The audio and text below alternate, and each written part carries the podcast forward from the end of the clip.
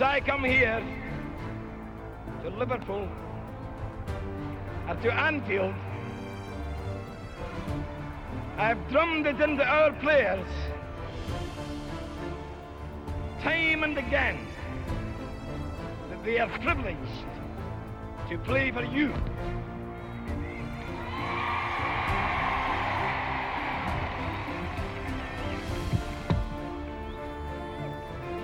Didn't believe me, they believe me now. Mella, lovely cushion header. For Gerrard! Oh, you beauty! What a head, son! What a head! Liverpool 3 0. Corner taken quickly, Origi! Ah!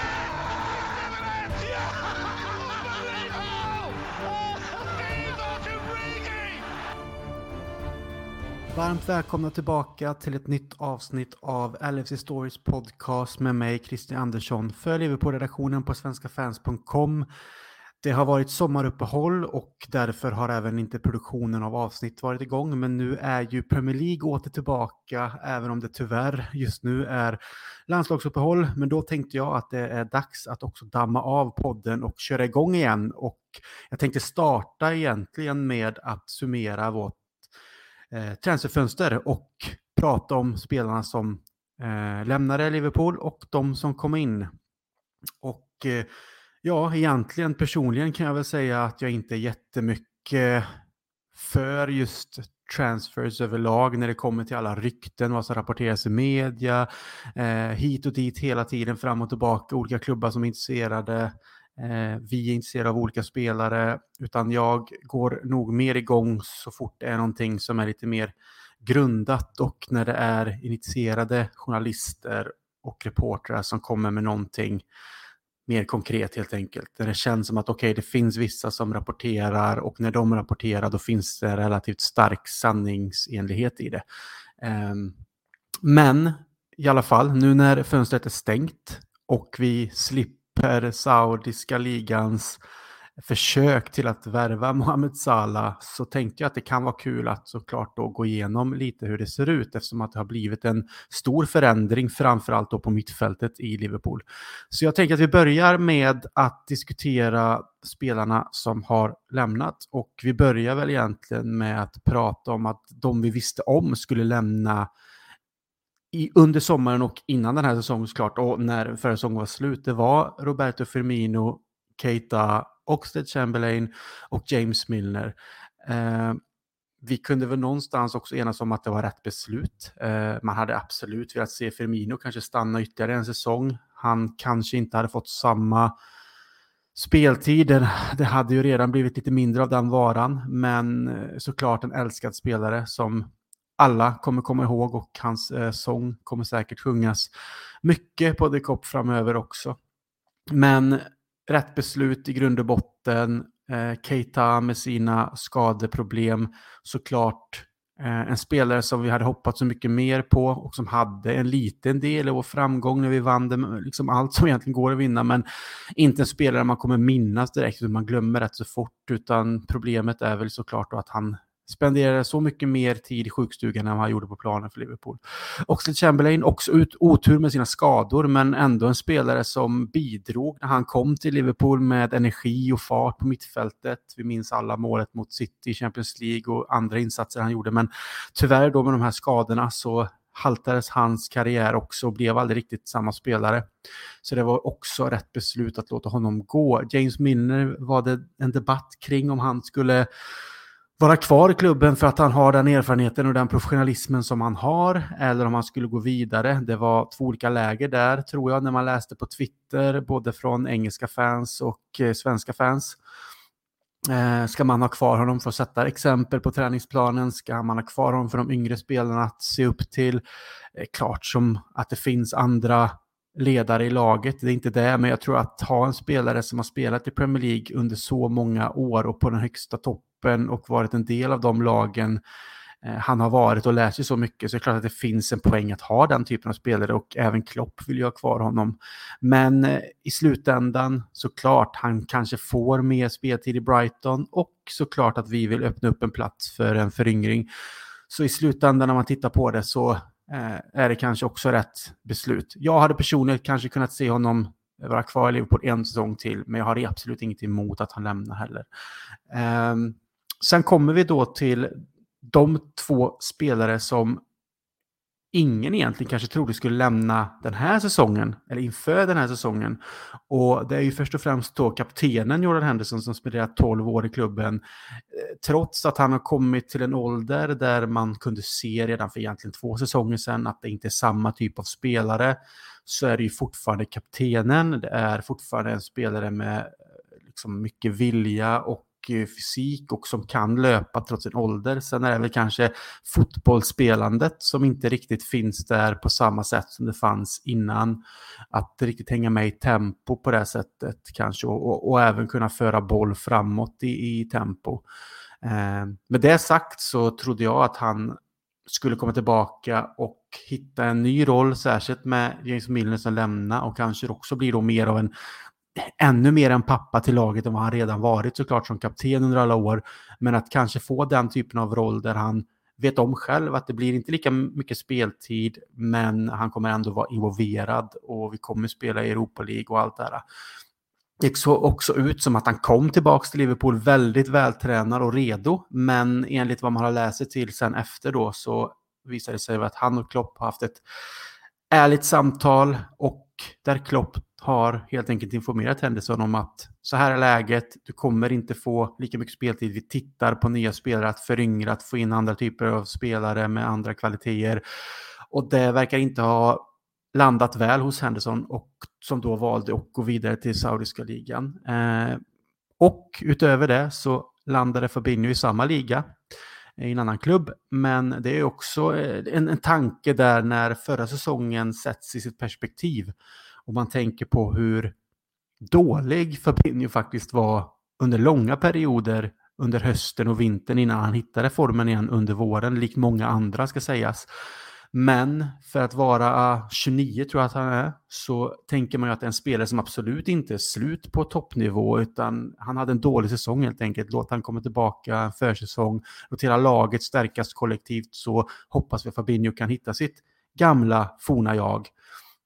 Men istället då så kommer ett bud på 40,2 miljoner pund visar det sig att övergångssumman blir från ett lag i saudiska ligan och det är ju ungefär samma summa som vi köpte honom för för ett antal år sedan. Och han var ju såklart en stor och stark pelare i det laget som vann allting. Um, så det kan man ju absolut alltid komma ihåg och respektera och, och, minnas Fabinho för, för att han var så pass viktig i sin defensiv, defensiva roll för oss. Uh, tillhörde ju världseliten på den positionen under ett antal säsonger.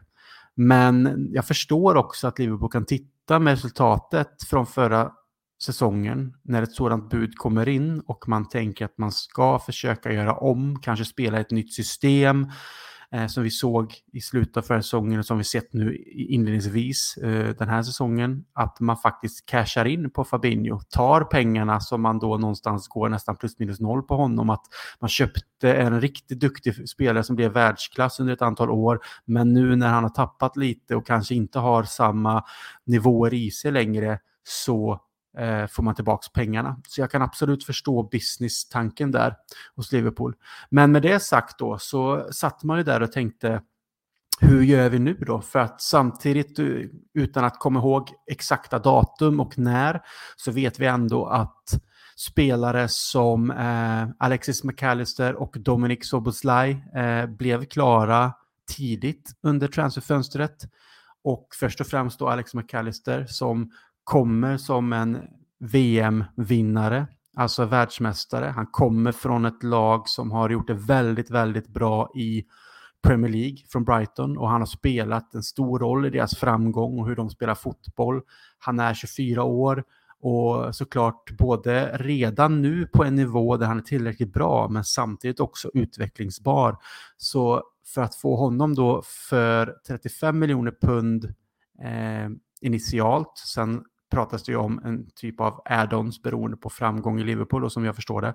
Men att få den typen av spelare som kan spela på en offensiv plats i mittfältet, men också som vi har sett honom göra nu i inledningen av den här säsongen på en defensiv plats och vara så pass komfortabel med boll, eh, vara stark i kroppen trots att han är rätt så liten, men också väldigt, han känns väldigt safe i det han gör. Han går ner, möter boll, vänder upp, hittar yta och vilket jag gillar, det händer någonting, han för bollen framåt och hittar också då passningar fram till de mer offensiva mittfältarna eller vår fronttrio.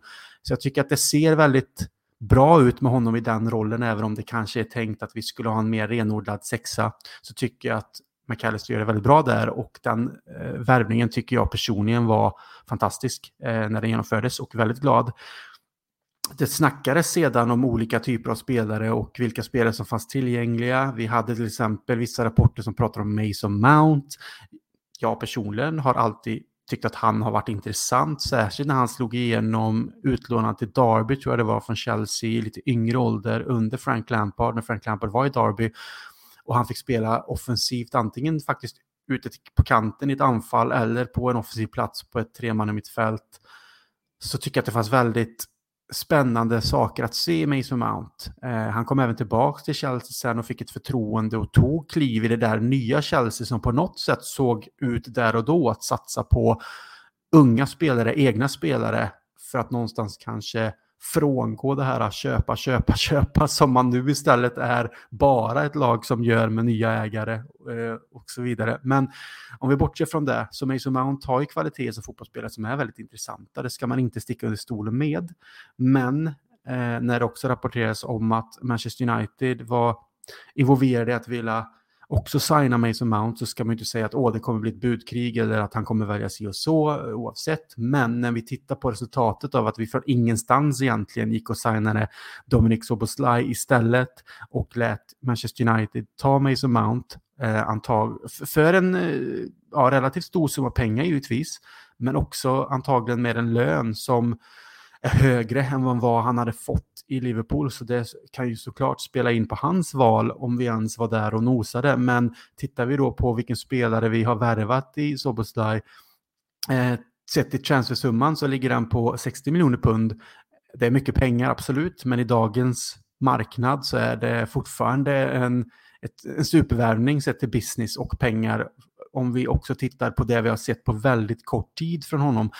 Jag jag ska säga att jag hade inte superkoll på honom innan. Jag har sett någon match såklart i Champions League där han har varit involverad. Jag har sett någon match och highlights från Bundesliga där det har varit mål från honom eller man har sett sekvenser så att jag visste vem han var. Jag visste att han var talangfull men jag har aldrig egentligen sett honom spela en hel match eller vad han bidrar med på planen. Men det jag har sett nu från inledningen av Liverpools matcher den här säsongen är ju att vi har värvat en Eh, världsklasspelare in the making. Han har redan attributen för att bli världsklass. Han är endast 22 år gammal, men han täcker stora ytor. Han är fysiskt stark. Han orkar springa. Han driver på boll otroligt bra. Han har jättefina två fötter. Han har passningsförmåga, han har skott utifrån som är vassa, vilket vi fick se senast när det begav sig mot Aston Villa. Han har väldigt mycket mycket som gjorde att jag svarade på en tweet, eh, en engelsk sådan där det eh, diskuterades Soboslaj och skrev att jag kan se att han kan bli Liverpools egna Kevin De Bruyne utan att på något sätt då jämföra med statistik och siffror för Kevin De Bruyne har tillhört världseliten nu i många säsonger och kanske är en av de bästa mittfältarna såklart vi har sett i Premier League någonsin tillsammans med några andra i den, eh, på den listan. Och det, är, det kanske är orättvist att bara jämföra någon med, med det, men det jag menar mer är att jag kan se en spelartyp, fast ändå har förmågan att kanske täcka mer yta och jobba starkare defensivt än Kevin De Bruyne. Och så får vi se vad det kan mynna ut i offensivt med mål och assist och så. Men just i Liverpools sätt att spela så ser det ut som att Soboslaj är väldigt värdig att ärva nummer åtta efter Keita, men framförallt efter Steven Gerrard då, om vi ska sätta det i någon slags i ett perspektiv. Eh, ingen kan på något sätt jämföras med Steven Gerrard, men det finns spelare med en aura, med en känsla av ledarskap, med en känsla att på något sätt vilja såklart spela för Liverpool och visa vad han går för och jag får den känslan av Soboslaj och tycker att det vi har sett av honom som sagt inledningsvis är bevis på att det finns otroligt, otroligt stor potential till att bli världsklass och en spelare som kommer betyda otroligt mycket för oss framöver. Så med det sagt så ser vi verkligen fram emot att se Dominic Soboslaj göra underverk på Liverpools mittfält framöver förhoppningsvis. Vi går vidare och eh, det tog ett tag innan Liverpool värvade igen under sommaren, mer mot slutet av eh, transferfönstret såklart då. Ehm, det pratades väldigt mycket om olika spelare, särskilt eh, Lavia från SA-15 var ju uppe på tapeten mycket eftersom att Liverpool såklart då aktivt sökte en defensiv mittfältare eller nummer sex som kunde ta den rollen eftersom vi kände att där är någonstans där vi behöver täcka upp. Vi har Bajsetic som kan spela den rollen men han är fortfarande väldigt ung, han kommer tillbaka från skada. Jag har, jag har jättestark tro på honom och det tror jag att klubben har också men man vill inte behöva stressa in en spelare som har varit skadad och som har liksom den unga åldern också, utan man vill kunna fasa in dem som Liverpool brukar göra på ett bra sätt. Så får vi också täckning där, kan rotera lite och det budades på Caicedo och det bekräftades av eh, Brighton att de hade accepterat ett bud från Liverpool. Ett högt sådan, eh, ett sådant. Eh, men trots att Liverpool hade lagt budet, det var accepterat och man ville prata med spelaren så visade det sig att Caicedo Eh, endast var intresserad av att gå till Chelsea. Då är det inte så mycket att göra. Ehm, antagligen finns det en historia där också, enligt vad man har läst sig till, där han faktiskt har eh, haft Chelsea som, ska inte säga favoritklubb, men han har haft idoler som Makelele till exempel, som har spelat där tidigare när han var ung. Eh, och samtidigt har han ju haft en diskussion och ett samtal med Chelsea sedan relativt länge, där han också vilket sades på något sätt hedrade den kommunikationen och diskussionen och inte ville liksom bryta det. Och fine om det är så, det kan jag respektera, inga konstigheter. Det är som det är. Eh, och sen såklart finns det ju ett relativt mycket högre lönekuvert att hämta ut i Chelsea jämfört med Liverpool direkt när du signar. Våran lönestruktur går ju mer ut på att öka en lön om du utvecklas, bidra till framgång och så vidare som vi har gjort med våra spelare, både likt Sala såklart, nu skriver han ju på ett nytt då, eh, där han fick en otroligt hög lön jämförelsevis, men vilket han också är värd sett till alla de målen, assisten och det han har bidragit med och vunnit. Och samma sak har vi gjort med van Dijk, vi gjorde samma sak med Henderson, Fabinho, så att vi vet hur det fungerar. Kommer du in till Liverpool som ny spelare så kommer du inte komma med den högst, högsta lönen direkt, utan du måste bevisa det. Jag gillar den typen av lönestruktur.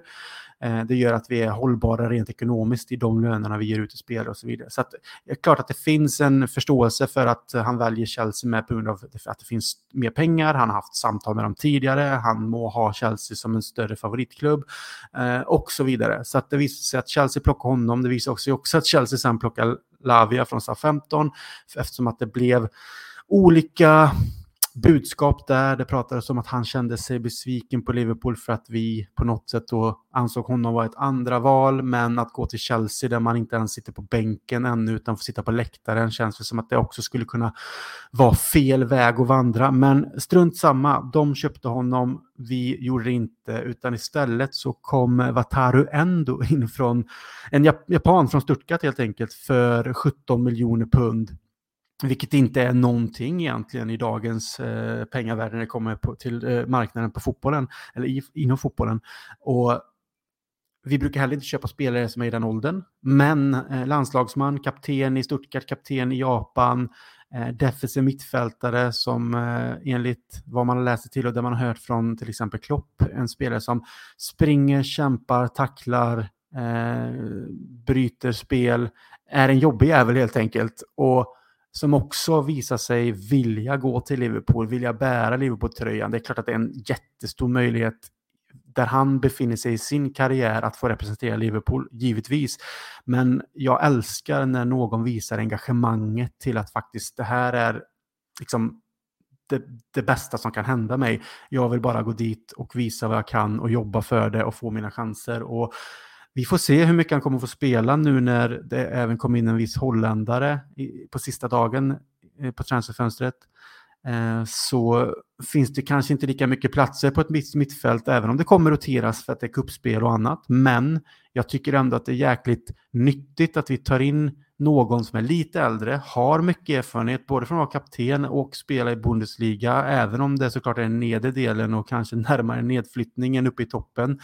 Men det är ändå bra att ha någon som har en längre erfarenhet från fotboll på hög nivå, som har de egenskaperna och det ger oss mer andrum att hitta alternativ till att kunna byta ut till exempel en Thiago, hur mycket vi än älskar Thiago för den fotbollsspelare han är, så är han ju skadedrabbad, han spelar nästan aldrig, han får setbacks, han blir bara äldre, han kostar mycket pengar i lön han kommer sannolikt lämna efter den här säsongen. Och hur mycket vi kan använda honom den här säsongen är en jätte, jättesvår fråga att liksom svara på. För vi vet helt enkelt inte.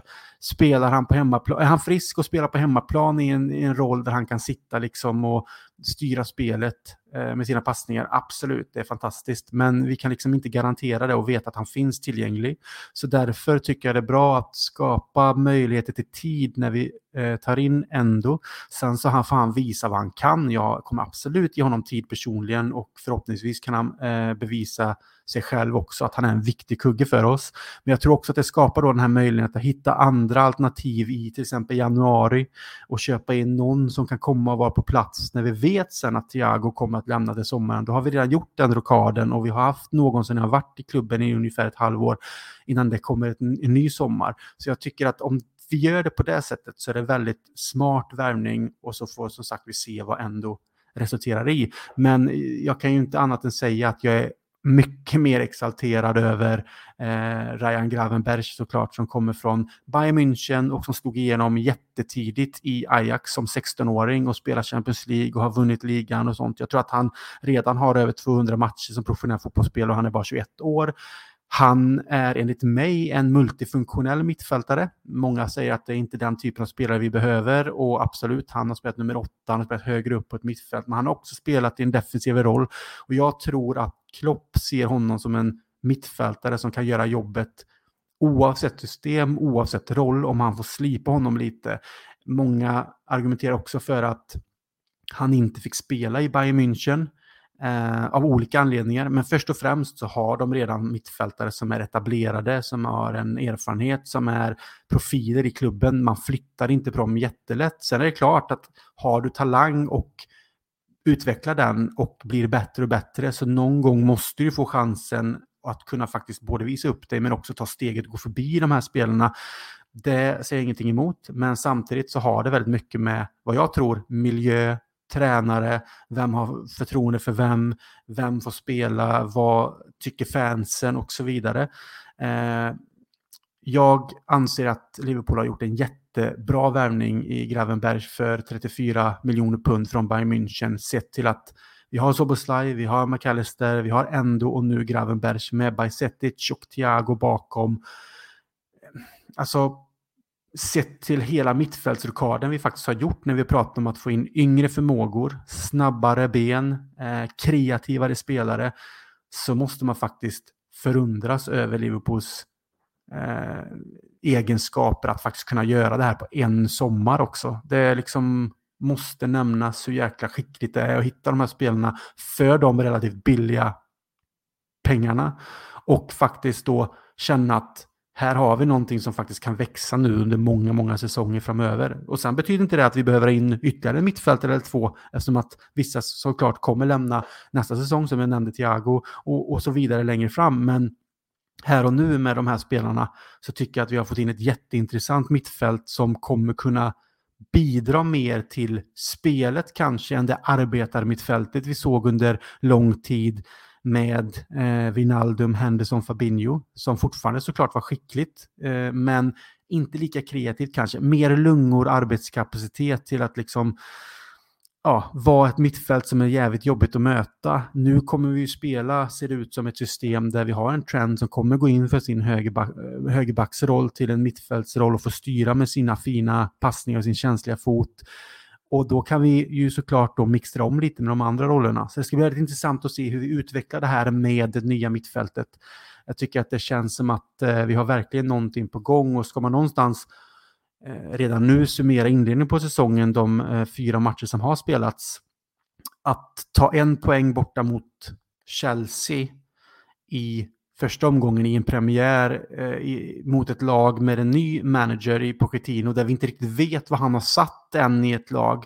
Eh, det tycker jag är alltså, helt godkänt. För det är svårt att komma till Stamford Bridge trots att de var kaos förra säsongen, trots att det var managerbyten och att det eh, tusen spelare som det kändes som, vilket det fortsatt är med alla transfers de har gjort. Men jag tror att med tid och att Pochettino får faktiskt hitta sina spelare i hela den stora truppen så har han absolut nycklarna till att kunna eh, utveckla Chelsea som lag och bli starkare. Sen att det har inledningsvis nu blivit svårt för dem med förlorade matcher och annat, det, det må vara, men jag tror att Pochettino, om han får tid och det blir tålamod från både ägare, ledning, fans, så finns det absolut möjligheter i Chelsea sett till de ekonomiska musklerna, sett till den breda truppen, sett till kvaliteten och till managern. Så att ta en poäng borta mot dem i premiären är, är bra, för att om vi ser på att han får bygga vidare nu så tror jag att eh, även om vi såg nu, eh, Nottingham var det väl som var på Stamford Bridge och vann, vilket är en skräll såklart. Eh, även om vi ser sånt, sånt hända så tror jag att ju längre ligan går så kommer det nog kunna bli svårare och svårare ju mer Pochettino får sätta sitt spel och sin taktik i Chelsea. Jag kan vara helt fel ute, det kan gå absolut åt helvete och inte mig emot, men jag tror att det är bättre att ha avklarat bortamatchen mot Chelsea redan nu, tagit en poäng och veta att den är borta, än att behöva ha dem kanske till våren på bortaplan när vi vet att poängtapp kan gälla jättemycket om det är så att vi är med i en titelstrid eller i Champions League-platsstrid och så vidare. Tycker att det är skönt att det är avklarat. Givetvis med de röda korten som kom sen eh, i matcherna därefter. Vi har Brighton hemma, eh, förlåt, Bournemouth hemma och eh, även då matchen mot Newcastle borta där vi vänder. Så ser man till de händelserna och vad det, hur det påverkar vårt sätt att spela så är det starkt att komma ur de matcherna. Givetvis är vändningen med Newcastle någonting helt fantastiskt. Det där är typiskt Liverpool, hur vi gör det och sen en Darwin Nunez som kommer in och gör de här målen. Vi får verkligen se vilken typ av målskytt han är han egentligen gör allt rätt där med sina löpningar, sina avslut. Där visar han sina kvaliteter. Sen behöver han upprätthålla den typen av nivåer. Jag tyckte att han var väldigt, väldigt bra med Aston Villa med när han fick vara involverad i väldigt mycket. Han gjorde inte mål på det sättet, även om han hade i stolpträff, en ribbträff och sen en nick till Salah, så var han involverad i att vi vann den matchen. Så det gillar jag att se och hoppas att han kan fortsätta på det viset. Men som sagt, summerar vi de matcherna beroende på också hur de såg ut med röda kort, avstängningar eh, och att vi faktiskt lyckades vända mot Newcastle. Sen den starka insatsen sen mot Aston Villa senast så går det inte att säga annat att det har varit en superstart för Liverpool när man också ser på att man har bytt ut ett helt mittfält och att det är nya spelare som faktiskt redan nu ser ut att klicka med resten av laget. Det verkar fröjdigt, det verkar positivt, det verkar glatt. Eh, så jag ser väldigt mycket fram emot när vi sen drar igång Premier League igen, vad vi fortsatt kan åstadkomma tillsammans framöver. För att eh, det är spännande med nya spelare. Det är spännande att se ett Liverpool som på något sätt har börjat flyga igen. Jag hoppas verkligen att det håller i sig, för man märker hur jäkla mycket mer exalterad man är när det går bra. Sen betyder inte det att man inte bryr sig när det går motigt, men när det är en fröjd i fotboll fotboll när det är kreativt, mycket rörelse och vi skapar mycket chanser och vi har väldigt högt kvalitativa spelare på många positioner då det blir jävligt roligt helt enkelt. Och särskilt nu också när saudiska ligans transferfönster har stängt och allting runt Mohamed Salah kan bara lägga sig för stunden. Vi vet att det tyvärr kommer komma tillbaka förr eller senare.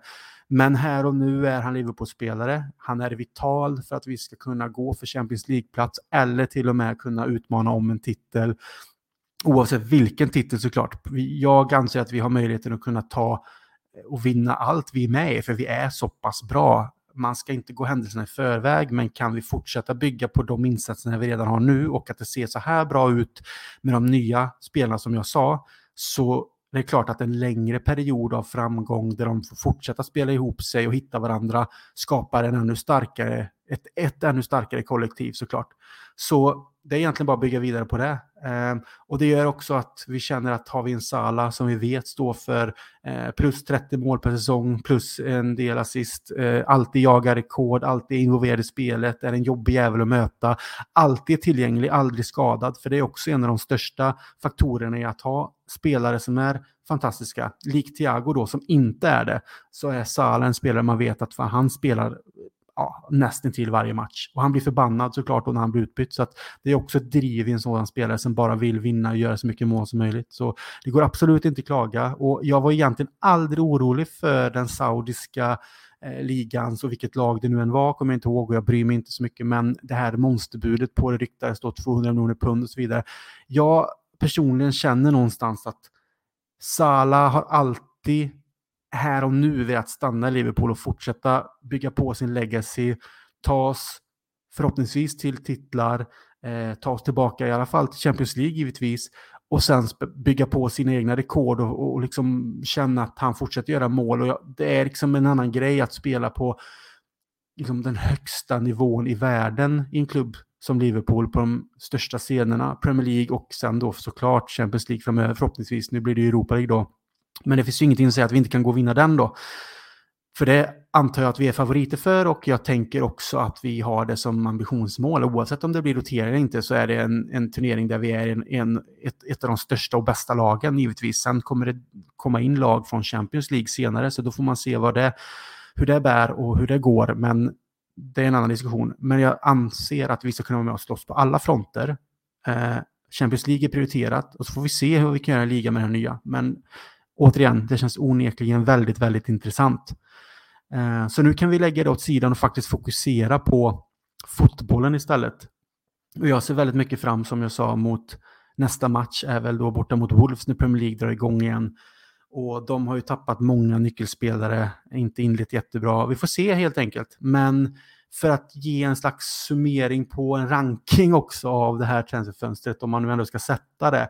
Hade vi fått in en mittback, oavsett om det hade varit en erfaren eller om det varit en ung och lovande som skulle kunna gå in och vikariera och spela på den vänstra mittbackspositionen eller Rob, eh, Robertsons plats där, han kom, där man liksom nu, nu blir en trebackslinje när vi spelar och vi får ett, eh, ett mittfält där Trent kommer in och går upp på mittfältet det hade absolut varit bra att ha någon som kan avlastas och testas i den positionen så att vi kan byta system lite beroende på vem vi spelar mot och kanske vara mer säkrare med någon som har en, en, en, en som är längre än Robertson och som kan vinna mer i luften och så vidare. Sen visar Robertson nu mot Aston Villa att han, det finns mycket, mycket höga klasser i honom fortsatt och jag har egentligen aldrig tvekat på honom. Det är ju mer hur han fungerar i systemet vi nu spelar, för innan har vi sett honom löpa upp och ner Eh, på sin kant och bidra med assist. Jag vill egentligen se honom fortsätta göra det. Sen förstår jag att både ålder och andra typer av system gör att det kanske i det här fallet hämmar honom, men så länge han kan anpassa sig och spela som mot Aston Villa är jag inte orolig. Men däremot hade jag velat ha någon som hade kunnat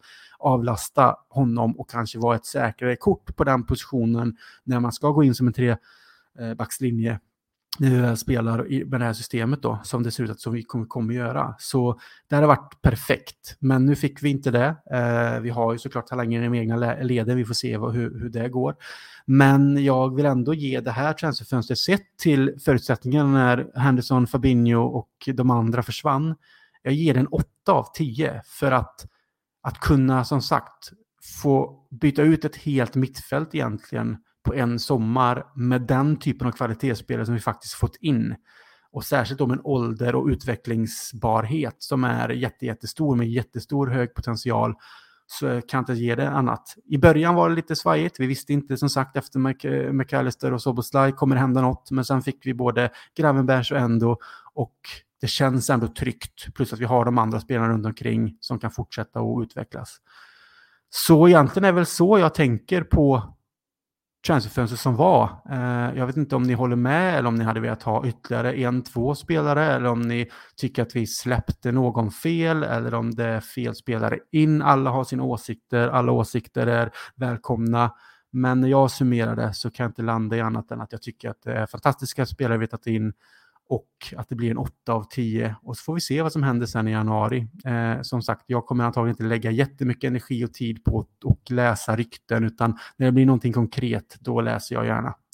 Men med det sagt så är det här en återstart av LFC Stories podcast för Liverpool-redaktionen på svenskafans.com. Jag kommer, eh, utan att säga när och hur, eh, göra fler avsnitt och det är ju ett koncept som, de, som ni som har lyssnat på podden tidigare vet så är det ju inte en klassisk podd där man pratar kanske inför och efter match och just händelser från den matchen, mål och så vidare, utan det kan givetvis hända här också, men det är mer ett koncept där jag till exempel pratar om det jag har sagt nu, ett transferfönster och går igenom det lite kort. Det kan vara gäster som bjuds in som har olika typer av erfarenheter och supporterskap och tankar, idéer kring Liverpool. Det kan vara eh, profilavsnitt som jag har gjort tidigare där jag gick igenom laget och spelarna som vann Champions League 05 tillsammans med gäster, bland annat Tobias Hysén och Pontus Weinemo. Eh, jag har även intervjuat några av våra engelska vänner som eh, tidigare har varit med i poddar, till exempel Gareth Roberts som var med i The Anfield Rap tidigare men nu gör det, det, Eh, uh, The Challenge en egen podcast tillsammans med Paul Cope och sen uh, gör han ju även nu en podcast om Liverpool på This is Anfield om man vill lyssna på det. Uh, väldigt um, väldigt härlig att lyssna till när det kommer till Liverpool-åsikter. Väldigt logisk och rimlig i sina tankar och väldigt bra argument för sina sätt att se på saker kring klubben. Så att jag tipsar om det. Och sen har jag även haft Mick Moran som är min kompis och poddkollega i The Copide Podcast som jag har med honom då som är på engelska och som vi gör tillsammans flera gånger i veckan när det är match såklart, men även när det är som nu landslagsuppehåll. Så jag slår ett litet slag för att det finns andra där ute med, men det är det konceptet är här och jag har tankar på vad jag kan ta med mig vidare in i avsnitt här och det kan vara allt från vad som finns i Liverpool att göra, pubbar, restauranger, sevärdheter, platser att besöka eh, och till som sagt allting runt vår kära fotbollsklubb såklart. Med, det är bara att kasta på egentligen förslag och tankar på vad man vill höra på sociala medier eller skriva till mig och där är det ju ett LFC Stories podd på Twitter om man vill komma i kontakt där och så vidare. Ja, det är bara att kolla på sociala medier och jag finns ju där också på Twitter om det skulle vara så. Eh, så det missar man inte om man är eh, intresserad av att höra av sig helt enkelt. Men med det sagt så får ni ha det så bra tills vi hörs nästa gång och up the Reds!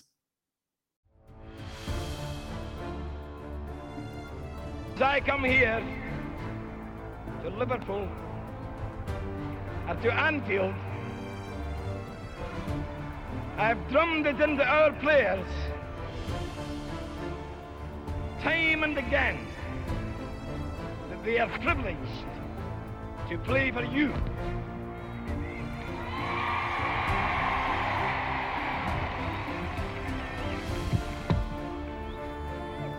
And if they didn't believe me, they believe me now. Mella, lovely cushion header. But Gerard! You! What a head, son! What a head! Liverpool 3 0. Corner taken quickly, Origi!